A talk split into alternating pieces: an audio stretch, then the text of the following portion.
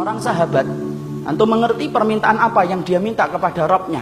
Dia meminta supaya nanti kalau dia terbunuh di jalan Allah, tidak ada orang musyrik yang mampu menjamah tubuhnya.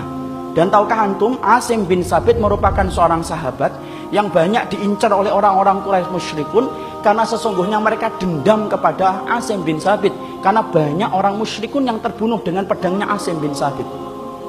Sampai ada seorang wanita yang bersumpah, siapa pun yang mampu membawa kepalanya Asim bin Sabit, maka akan dibayar dengan harga yang mahal untuk dijadikan batoknya menjadi tempat khamer untuk kemudian diminum dengan itu. Ya, Masya Allah. Asim bin Sabit akhirnya terbunuh di dalam peperangan.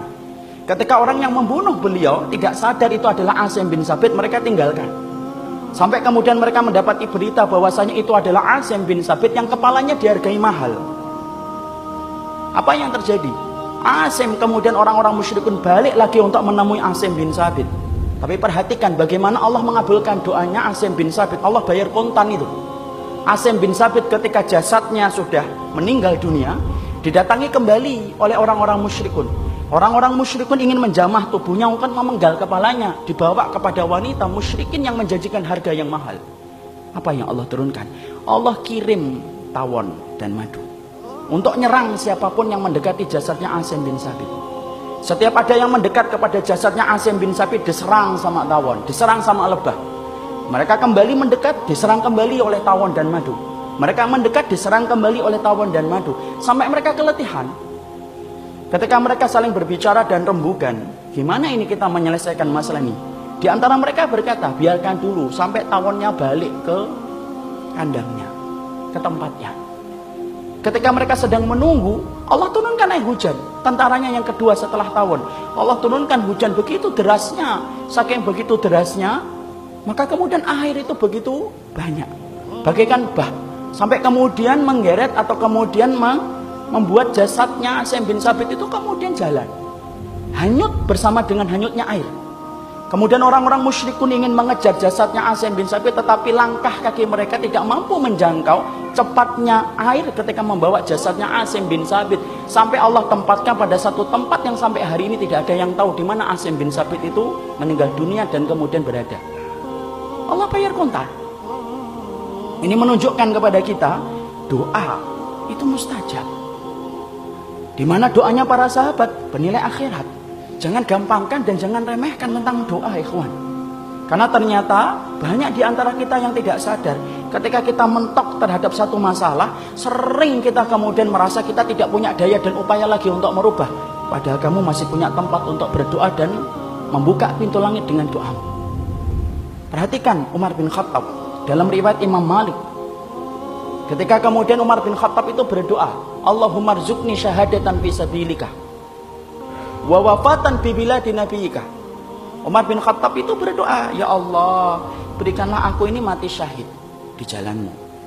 Tetapi mati syahidnya di kota nabimu, kota Madinah.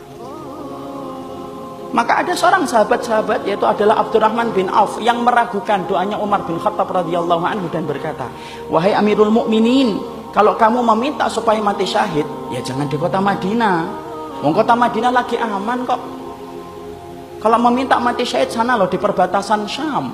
Sana loh di Mesir ketika sedang berkecamuk jihad antara Amr bin As dan pasukan Romawi. Tapi ternyata Umar bin Khattab yakin dengan apa yang dia minta kepada Allah. Dia tetap berdoa supaya mati syahid dan mati syahidnya itu di jalan di kota nabinya. Ternyata Allah membayar kontan apa yang diminta oleh Umar bin Khattab radhiyallahu anhu. Umar bin Khattab radhiyallahu anhu ketika peristiwa sholat subuh ditikam oleh Abu Lu'lu'ah al-Majusi. Di mana meninggalnya? Bukan di kota Syam. Bukan di Palestina. Bukan di Yaman. Tapi meninggalnya adalah di kota Nabi yang beliau cintai yaitu adalah Madinah. Jadi di situ kita fahami berdoalah antum kepada Allah dengan cara yang benar. Karena sesungguhnya doa itu merubah yang mustahil menjadi mustajab. Perbanyaklah doa dalam urusan akhirat. Karena sesungguhnya itulah yang menjadi prioritas kita di dalam berdoa. Dan Allah ngajarin kalau berdoa kepada Allah di dalam ayat ini, maka berdoalah antum kepada Allah dengan antum memuji Allah terlebih dahulu. Makanya mari kita bahas sebentar. Bagaimana sih adab seorang mukmin itu ketika berdoa? angkat tangan.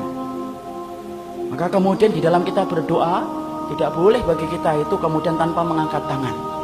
riwayat-riwayat yang menerangkan tentang kita berdoa kepada Allah diterangkan secara mutawatir lafzi yaitu adalah diterangkan dengan riwayat yang berlimpah dan banyak Rasulullah itu mengangkat tangan di dalam dia berdoa dan memohon kepada Allah.